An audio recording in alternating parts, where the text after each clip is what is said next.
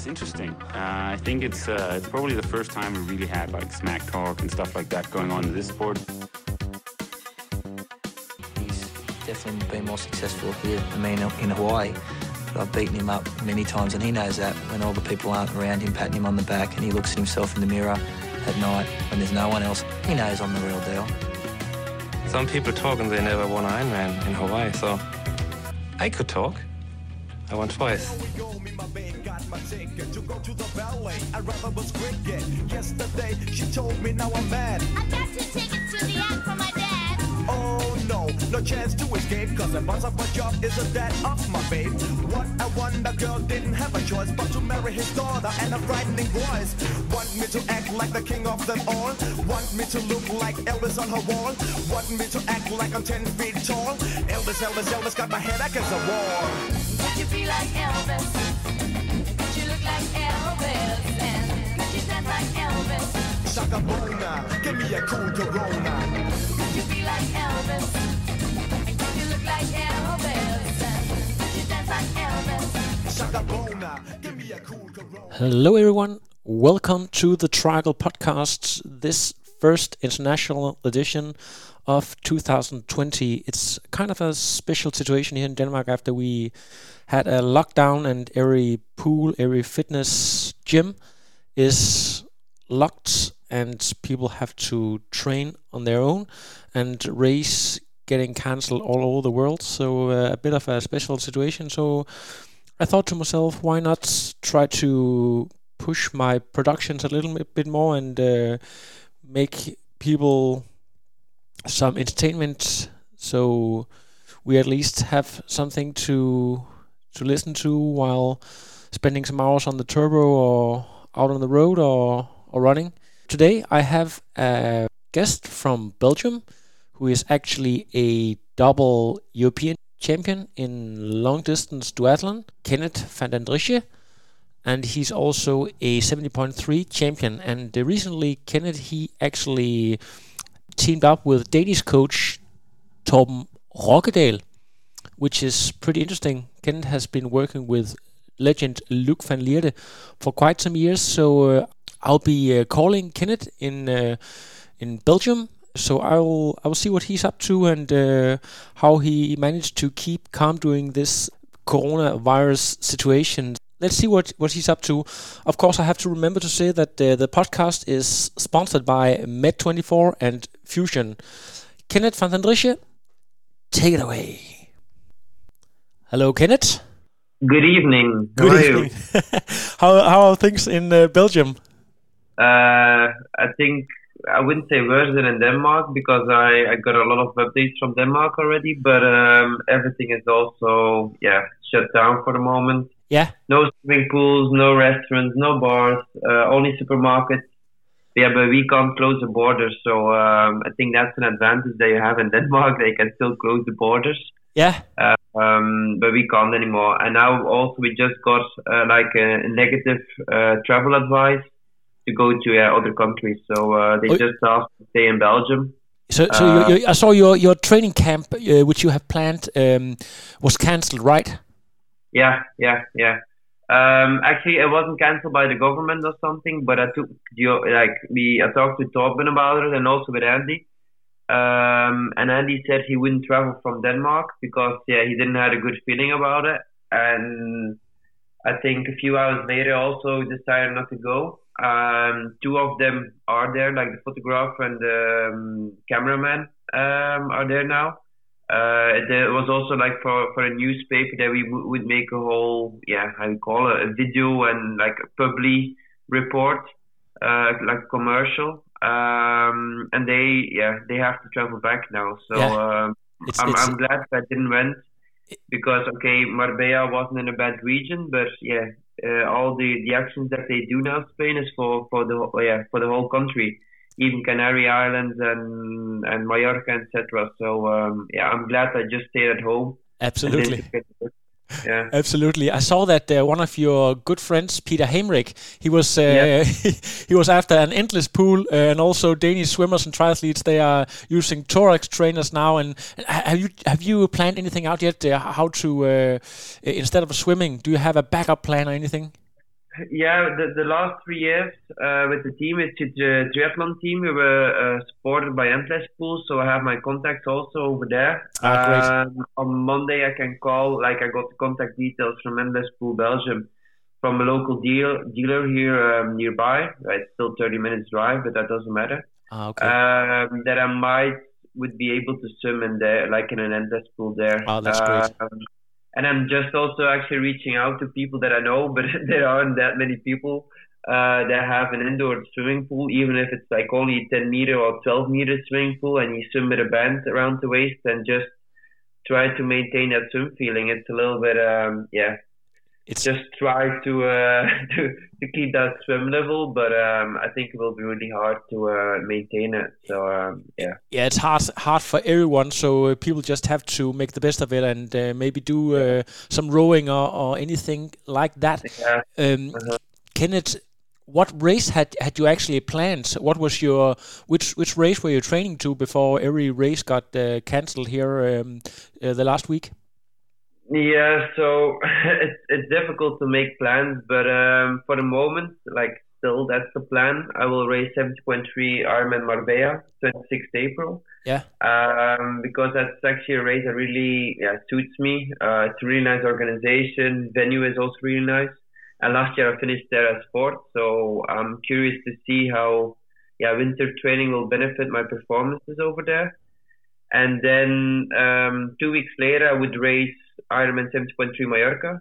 Um, the, yeah, that will be more like a B race because I will be in a heavy training period. Uh, as I will make my now we have actually uh, uh, uh, how do you say it a primeur in, in Dutch like a new new thing. Uh, I will make my Ironman debut in uh, Lanzarote. Ah, So, you you had planned for that this year. Yeah, yeah, Ah. yeah, yeah, yeah. okay, yeah, so that's not gonna happen. Um, I, I hope it happens, but um, yeah, I have uh, doubts about it, and yeah, um, as yeah, now they cancel. I think all the races until the end of of April, um, or ITU. So I think Ironman also will do it.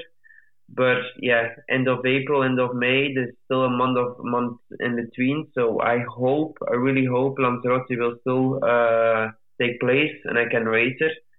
Uh, but yeah, if not, then we have to make other plans and, and yeah, try to find another race. Um, as yeah, race season in 2020 will be yeah totally different than the previous years. So um, yeah, it's for the moment a big mess. Yeah. So We'll Yeah. we'll talk much more about the Lanzarote because you had some of the best results you have was actually in Lanzarote, where you have been on the podium at the seventy point three a lot of times. yeah. Um, but to be honest, my first time that I was there in, in Lanzarote, that was I think 2013, 2014, uh, 2014. Um, after I raced, I said actually I would never go back. Um, I really hated the island. the condi- conditions that day were really tough. Uh, I didn't knew it. It was first time. Also just arrived one or two days before, so I couldn't see the course. And uh, I got really like a, a sugar dip after Tabayesco. Um, and think you can imagine how hard it was if you go back from Teguise towards uh, La Santa with a headwind. Um, yeah, totally smashed. So uh, I just actually did the half marathon on Red Bull uh, on Red Bull Yeah. uh, just to, to get through it. But then, yeah, since I worked together with Luc, um, Club La Santa was like the usual training location uh, for his athletes. Um, and then, yeah, I spent more and more time on the island. Um, yeah, I also got to love it more. Um, and yeah, the last three years it was also the training location of the EC3 team. So yeah, I I spend a lot of time on Lanzarote now, and I just love it. And I think also a big bonus is that I got to know Rachel there. So uh, I think I can say Lanzarote changed my life, but I didn't expect it after my first uh, time over there. No, Ah, okay, that's great. Um, the when, when I um, first saw your name on Instagram, um, I saw uh, the the coach Torben Rokkedal of, of my local club in in Aarhus, uh, which also have some some big names there. Um, Kristian Høgenhaug and uh, Morten Brammer are some of the top Danish names training there. Uh, but then Yeah. uh, this guy, like you, you come from Belgium and had um, had been working with with Luc, who's a was a famous athlete and now a famous coach, and, and then Yeah. just this sudden change to uh, a rather unknown Danish coach. so so how did that come about? Um, yeah, it's, actually my my fiance Rachel. Uh, her brother Andy Gray lives in, in Denmark, so close to ours. Yeah. Um, he's also a member of the team. So from him, I heard last two years uh, lots of positive things about Torben. Um, and when I decided not to work anymore with Luc, uh, I think it was around yeah Christmas. Then we I talked with with uh, Andy about Torben again and with Rachel. And as I was actually really searching a coach that was into numbers, uh, yeah, with Torben with his uh, yeah degree, uh, I think that he's the perfect man. And he's also like he's he's a coach that wants to grow with his athletes. So um, for me, he looked like the perfect man on the perfect place for me. Um, as my results weren't the greatest anymore, and like 2018 was was really not what I thought it would be. 2019 was better, but I just also want to develop myself again and uh, also have like new impulses. So um, I said, okay, I want to want to chat with Torben, and since yeah the first moment we had uh, yeah contact, we really had a good connection, and um, yeah, really happy how everything went. Um, and you said, yeah, Torben is maybe unknown, like fairly unknown, but I'm pretty sure that will change in the nearby future, actually. Yeah, yeah, me too. I think he's uh, he has a, a bright future ahead of him. Have you already um, noticed some some changes in in the way uh, of your f- uh, previous uh, coach and, and the way Torben works? You, you talked about numbers there. Um, do you Yeah. do a fairly? Uh, I've also seen you've done some some tests back in in uh, where, where you live in Belgium. Um, Yeah. Can you talk a little bit about this? Um, yeah, I think the biggest difference is that um, I work now harder than ever before. uh, um, if I if I compare it with the last years, uh, I wouldn't say I had a luxury life, but um, I train like harder, train more hours. Um, I think the general um, word of what's the biggest difference is the consistency. Um, I think that's also now the key um, in my training. Uh, more intensity also uh, more variation, um, especially also actually in the swim. We really try to work hard on uh, on the swim, um, as yeah many know that's my weakest of the three. Um, yeah, as my history also as a duathlete.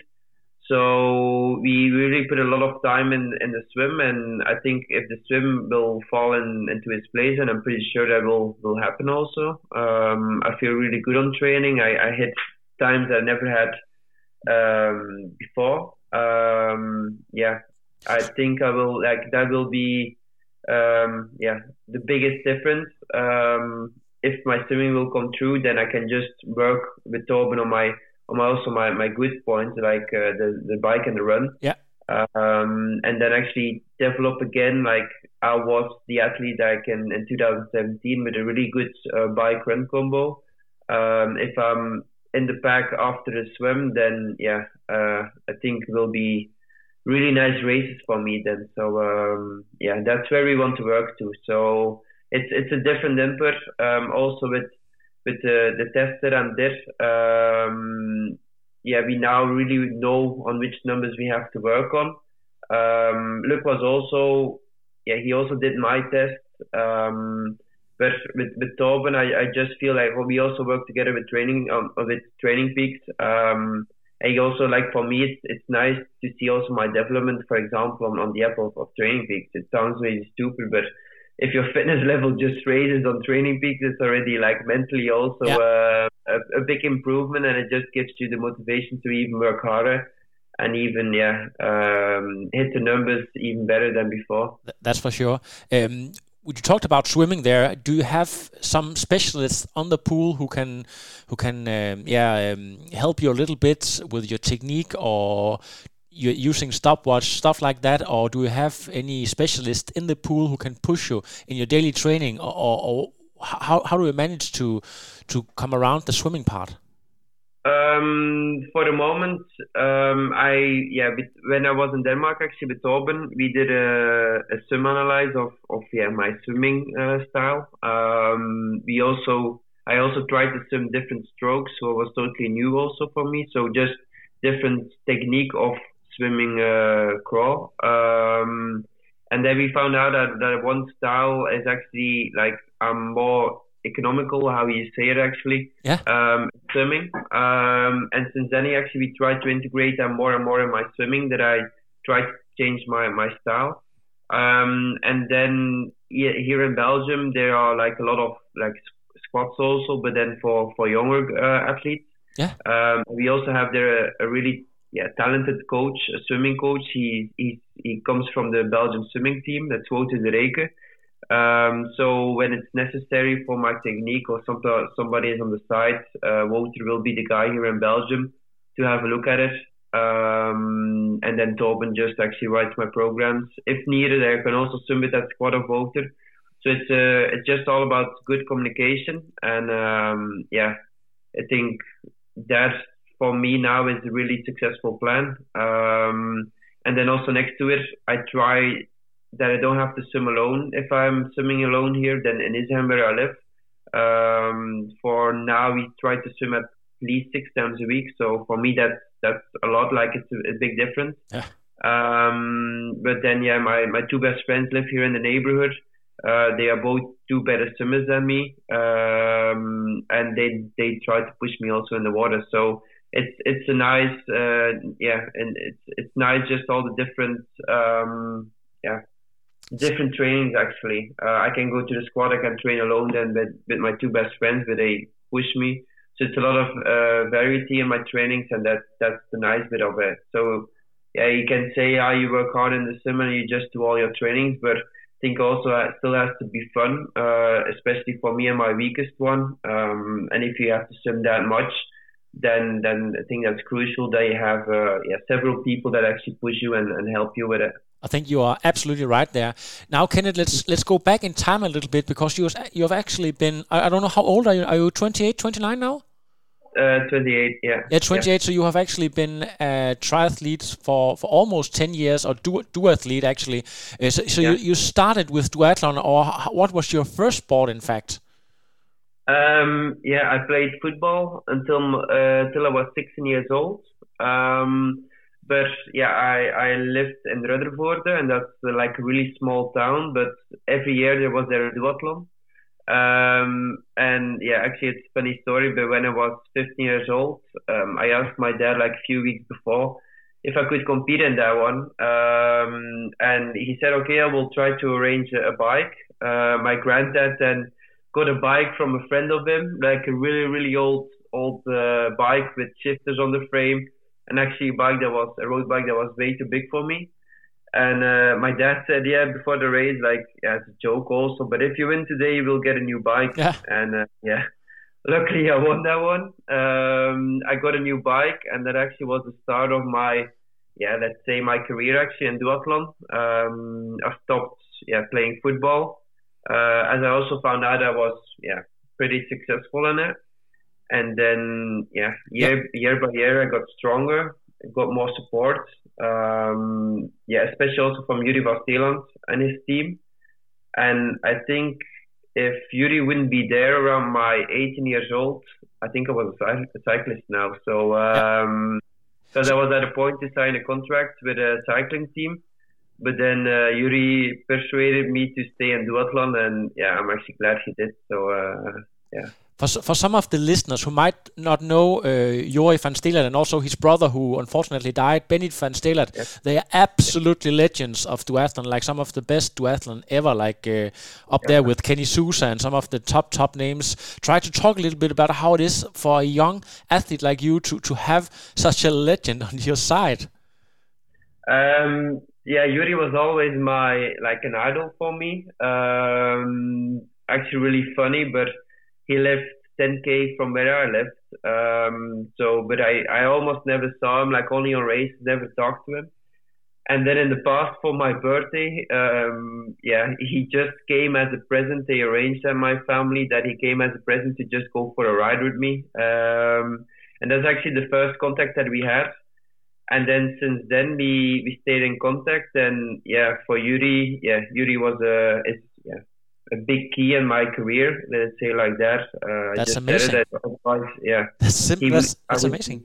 Yeah, yeah. Um, fairly early, you you became a under 23 uh, champion, and all, and I think at the age of 24, you win your first um, European long distance duathlon championship, and actually you yeah in 2015 and also in in 16. One of the Yeah. times is in is in Copenhagen, in fact. Um, Yeah. True. if we if if I have to be honest, that race was known to be a bit of a disaster uh, with the organization. Um, that they struggled very much. Um, can you talk a little bit about this? Because of course, if, if you won it, it was a big title for you. But uh, if the organization is uh, is uh, you know um, not not uh, at its right place and it's quite dangerous to ride it, was it something Yeah. you uh, you discovered at the time, or or can you talk about this a little bit? Um, yeah, so and yeah, 2015 I won, and then yeah, I all yeah, I got the pressure. Uh, also also put the pressure on myself to go back and uh, win it again. And then uh, I still remember on the start line, it was yeah, we're running through in a park in Copenhagen, so that wasn't the the best situation also because yeah, the first 10k and especially the first one or two two k goes really fast, and then um, once you were out of the park, then it was actually pretty fine. But then on the bike, we were still in a group of I think eight eight guys. Um, and then I, I still remember I, I missed a turn because there wasn't uh, a volunteer actually on his place. Yeah. And then and uh, yeah, I had to had to yeah close the gap again to to the front.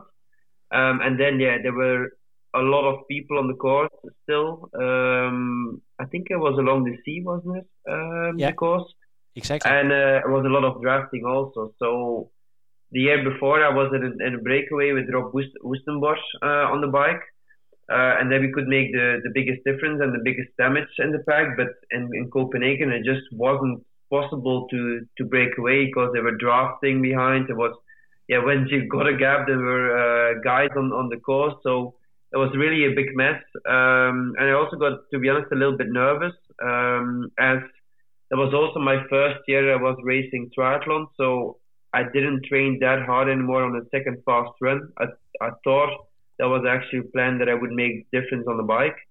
Uh, so we came uh, in T2, I think, still with a, a big group of eight eight guys, and then it was more like a strategic uh, run. Um, that yeah, that the Belgians actually were the, the, the smartest in, if I if I can just say it like that yeah. um, because Seppe Odeyn was we were still I think three guys of, of France um, and Seppe Odeyn and, and I. And just before a, a corner I just yeah Seppe was in front of me and I slowed down a little bit and uh, he got a gap of yeah 15 20 meters straight away and the other guys didn't want to close it so I didn't want to close it either.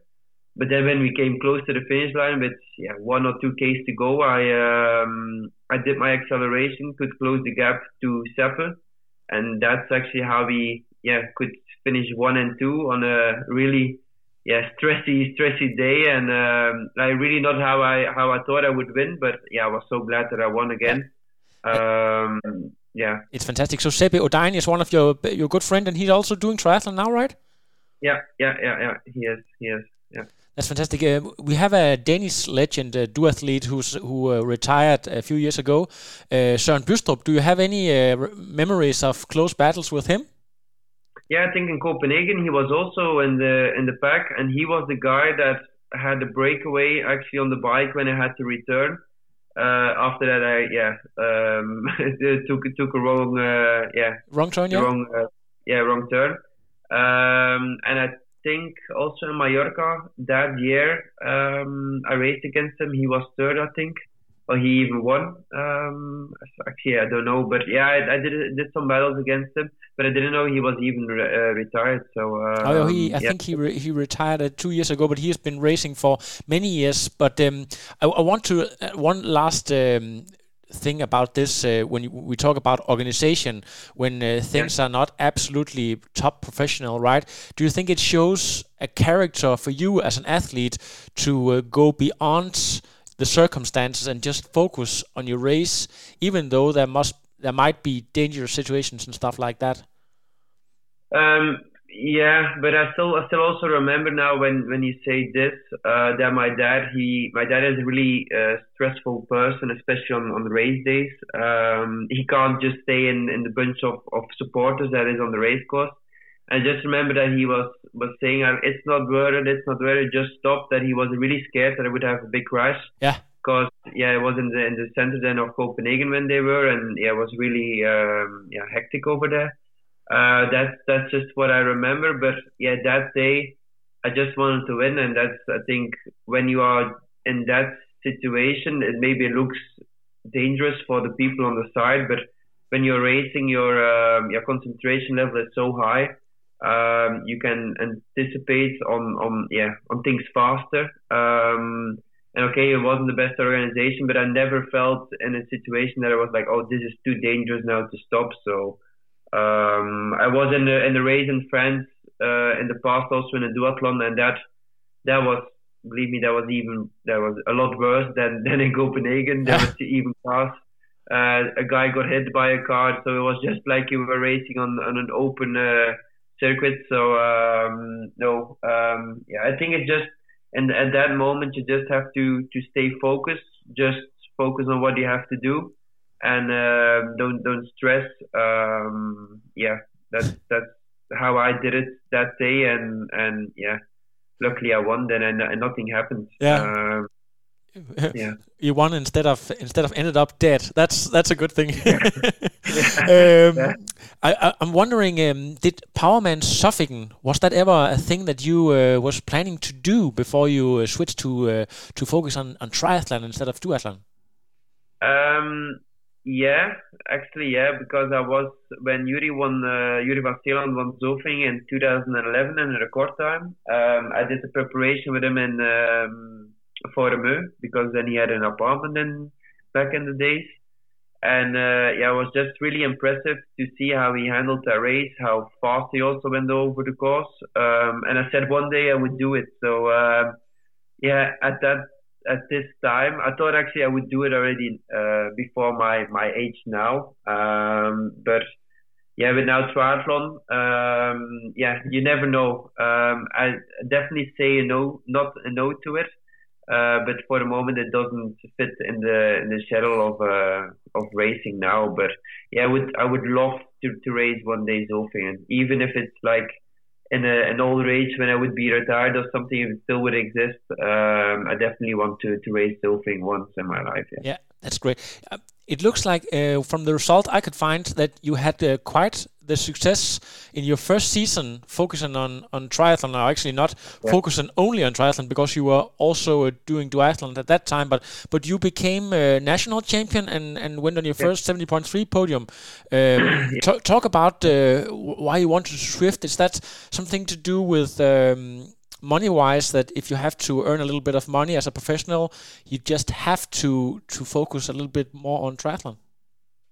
Yeah, because um, so Joerie Vansteelant and Rob Woestenborghs were at that time the two last professional duathletes, and um, my goal was, or yeah, was just to, to go also get like a professional uh, duathlete. But um, after them, the, the government said there would be no place anymore to become a professional duathlete.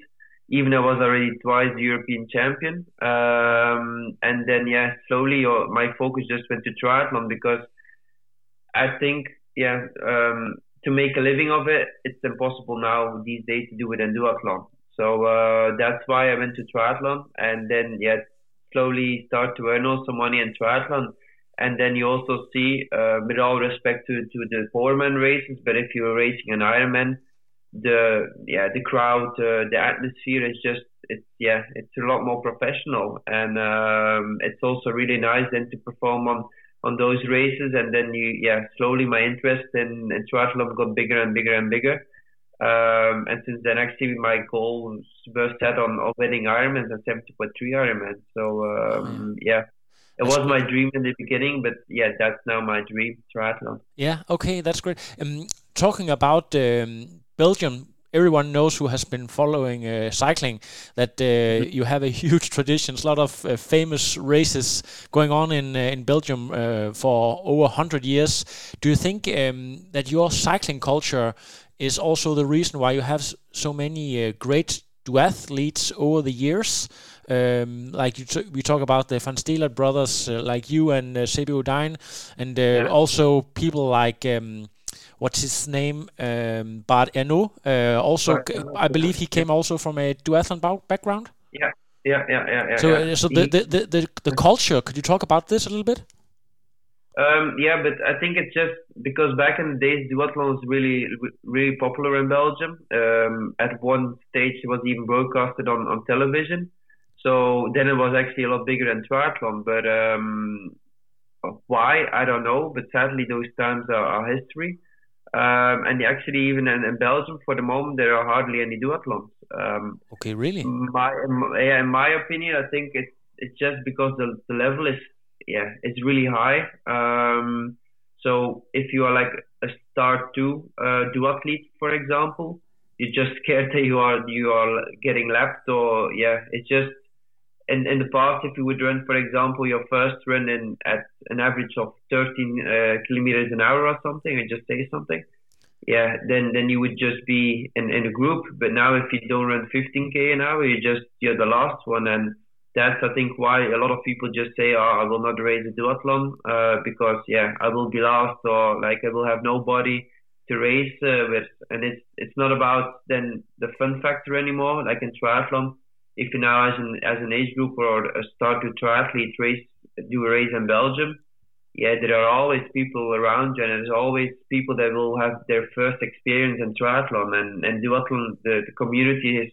is so small. Yeah. Uh, um, I think yeah, that's that's actually why it's it's yeah, it's um, yeah, it's getting killed a little bit by their own by its own success in my eyes. So Oh, um, yeah. Interesting. Uh, may, we don't know what's happening in 10 years, but I think stuff like that's um, also in triathlon. It goes up and down. We have these booms for 10 years, and then it goes down a little bit, and then it pops up. So we never know if duathlon will maybe be a big sport again in, in five or 10 years, or, or what's going to happen. It's it's it will be But I- interesting to I see. think- Yeah. yeah. but I think also if you look to the like, for example, on the European champs last week, how the level the, the level is just crazy. Um, I think even in, in France, it's still yeah with the Grand Prix event. Uh, that was really nice to race in. I also raced those ones.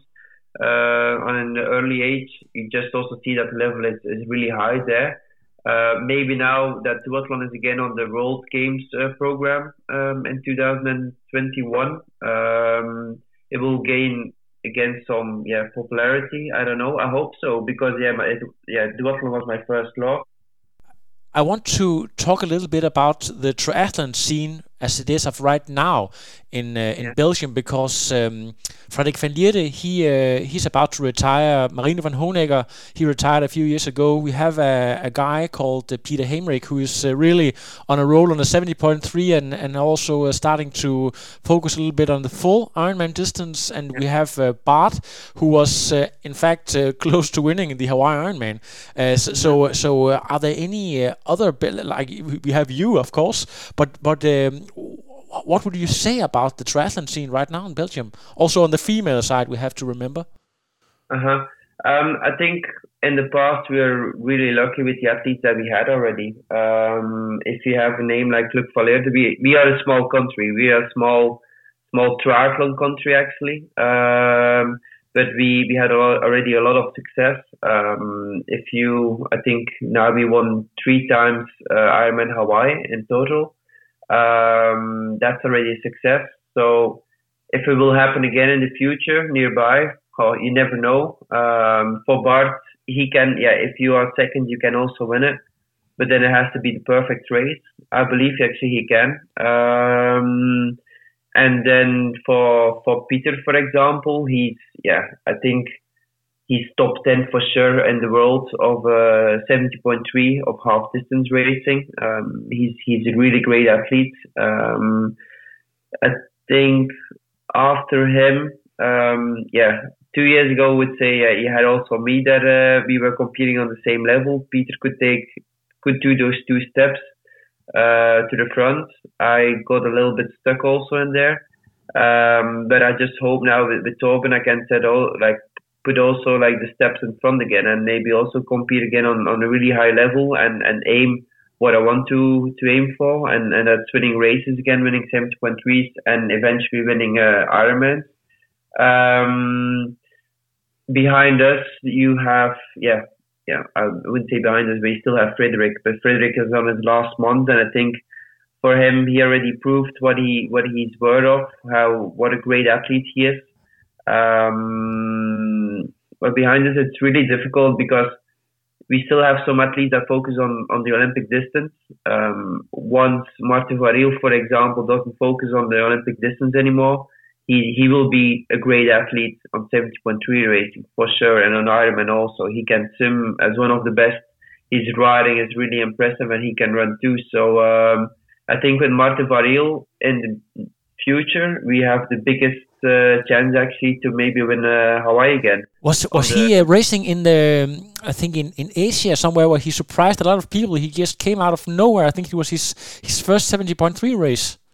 Yeah, and he uh, won in front of Jos Amberger. So Yeah. um, yeah, really impressive. Um, and he's uh, he's qualified for the world, and I think people over there really have to um, yeah remember him and don't forget him because if they they go into the run with him, he's uh yeah if you saw what they did in Nice, he's he, he can also run as fast as, that- as that. So um, I think Marten will be really close in New Zealand if he he can focus on it if he doesn't have like an injury or something. Marten will be really close for the victory in uh, New Zealand for the world. So um, yeah, and then on the on, on the female side, um, Alexander Yeah.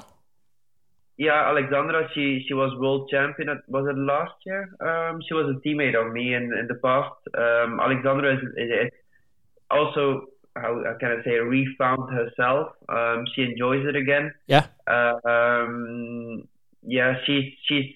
I wouldn't say she's she's in the game for for winning her, um, Ironman Hawaii, but I think she's worth of just the top ten in Hawaii. I think she she has to be able to to succeed there.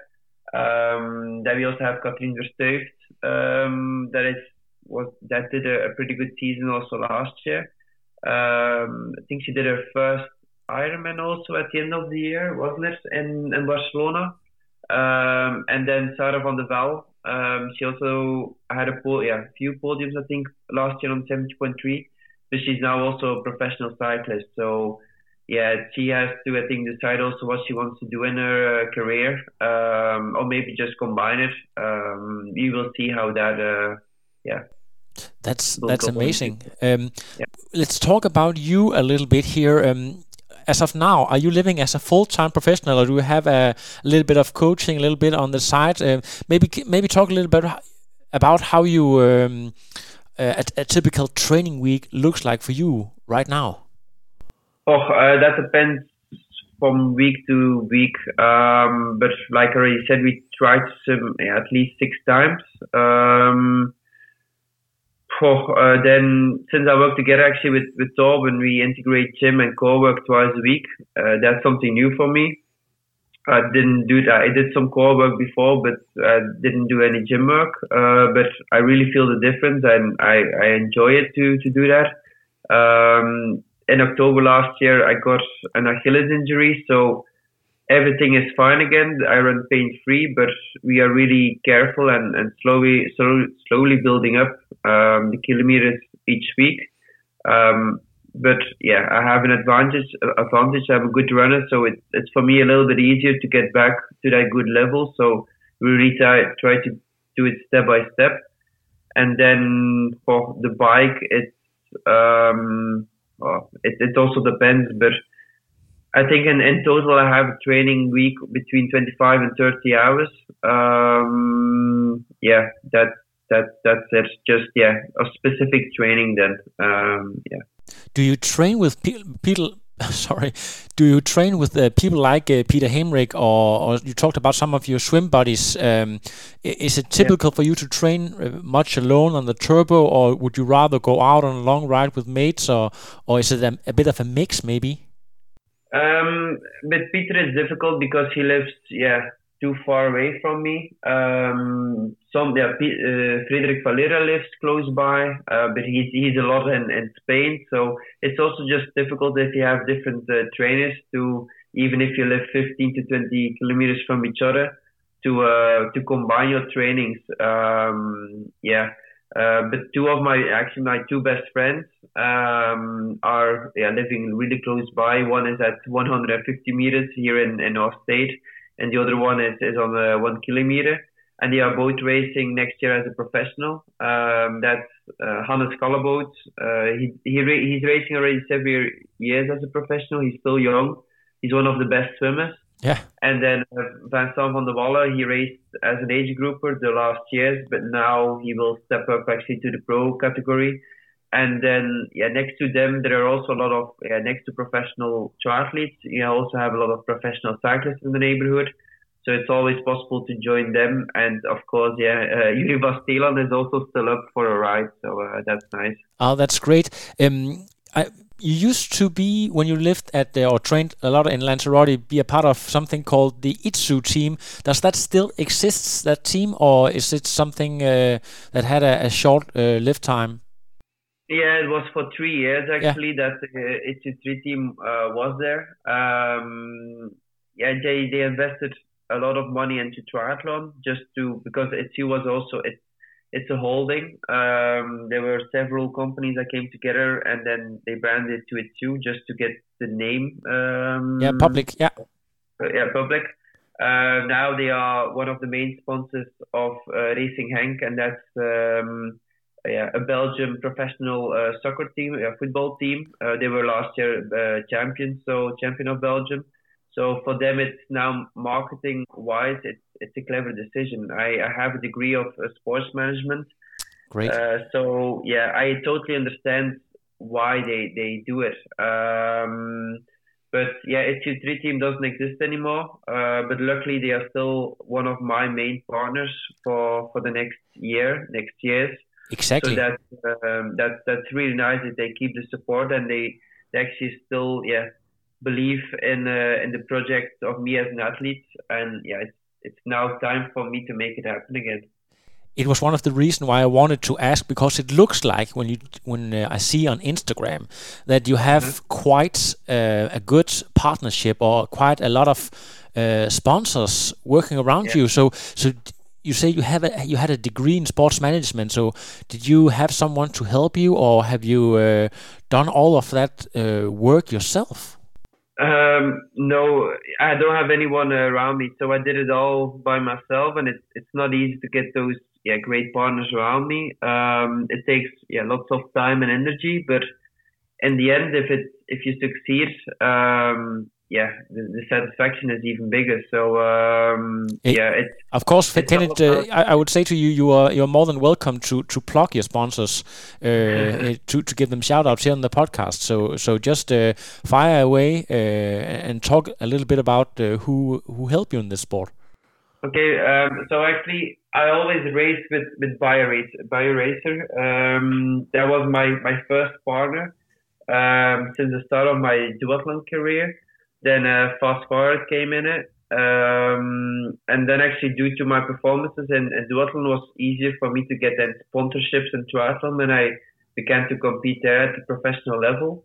Um, then yeah, I have on running that is now already several years uh, supporting me. They also just started on a lower level, but as you keep growing as an athlete, also yeah, the the contact into the company in the company and and also um, they they know they appreciate uh, also more um, you as an athlete as a person.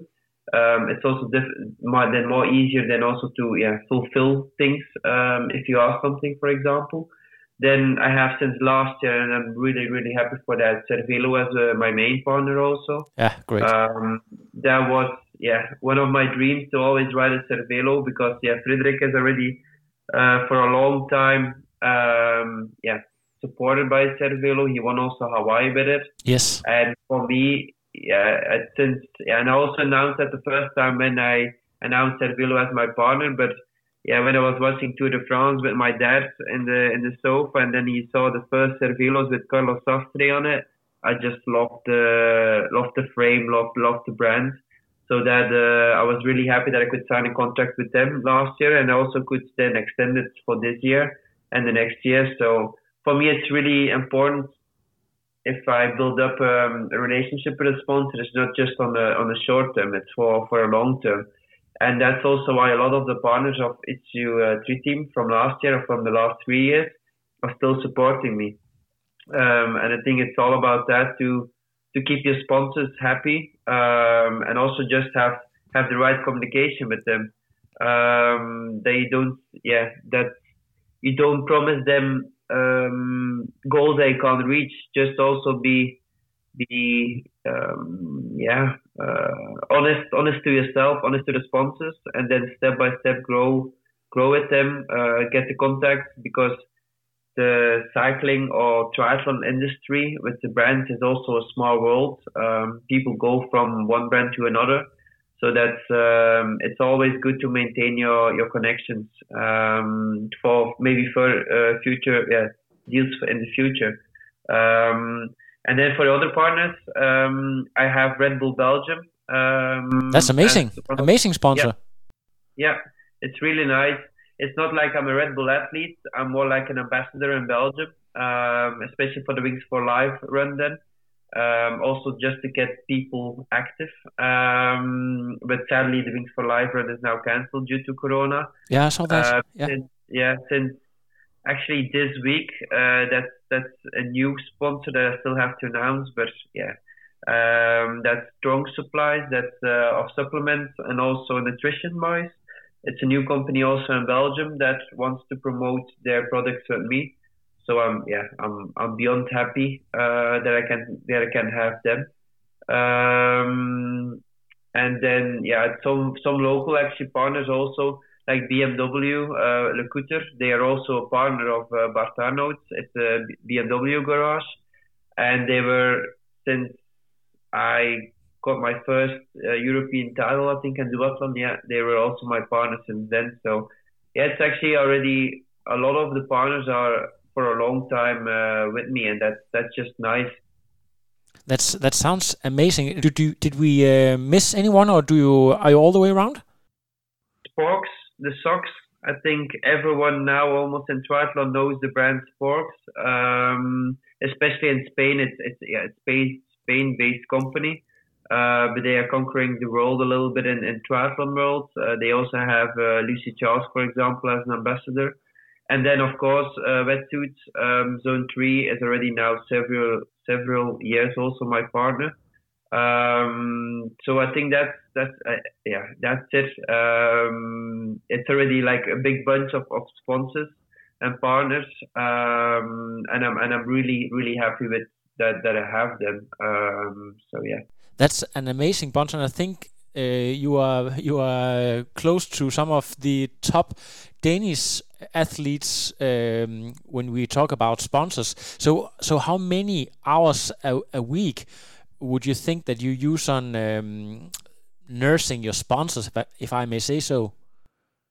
Oh, um, it also depends. Um, it's it's in, in the really busy weeks. Like of course, social media is important, um, and they also like they all also uh, want they they give them attention. Um, but I think the main bit, and they also know that is that you you perform, and if you perform, then automatically you get more popular also, and then also the sponsors get um, more return. So it's sometimes just to find the balance in between um, yeah, training, and also then if you have time, you make time for social media.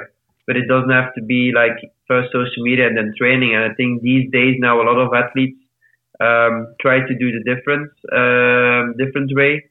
Um, and of course, you have to, to put a lot of energy on, on your social media, but only if it's if it's worth it and, and possible to, to combine it. As some athletes also still have to work, for example, or um, I think that that you have to have your main focus on something.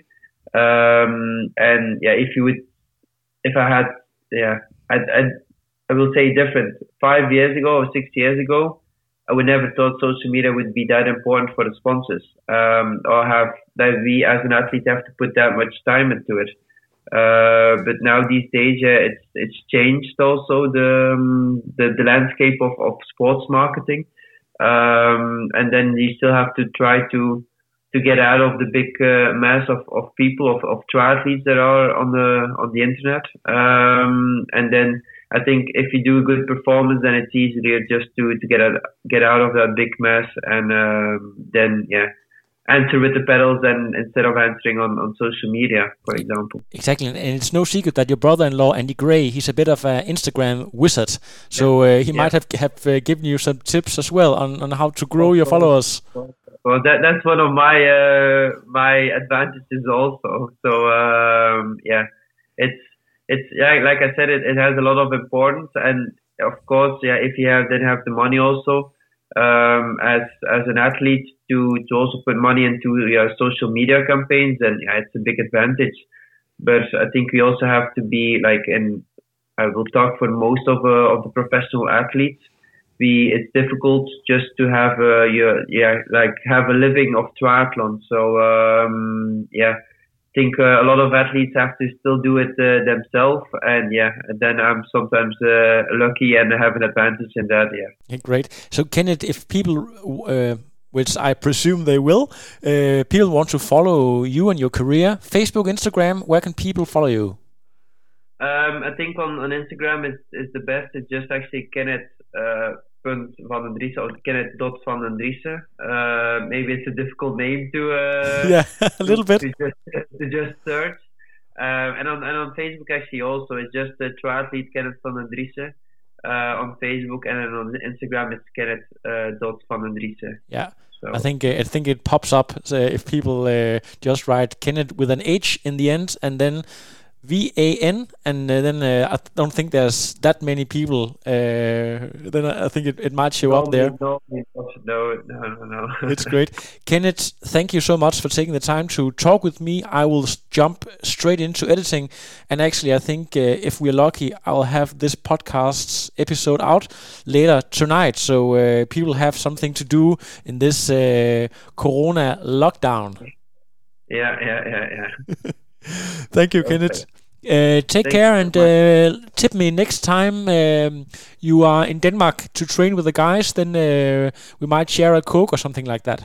Perfect, perfect. Or a coffee, that's also good. Oh, Or coffee, another- yeah, yeah. Lo- love them both. Um, thank you so much, and uh, take care. Welcome. Yeah, thank you. Yeah, Bye. bye. Have a good evening. Bye. Yeah, bye. No, I am done. Another. But now it's, I'm done. I have no power.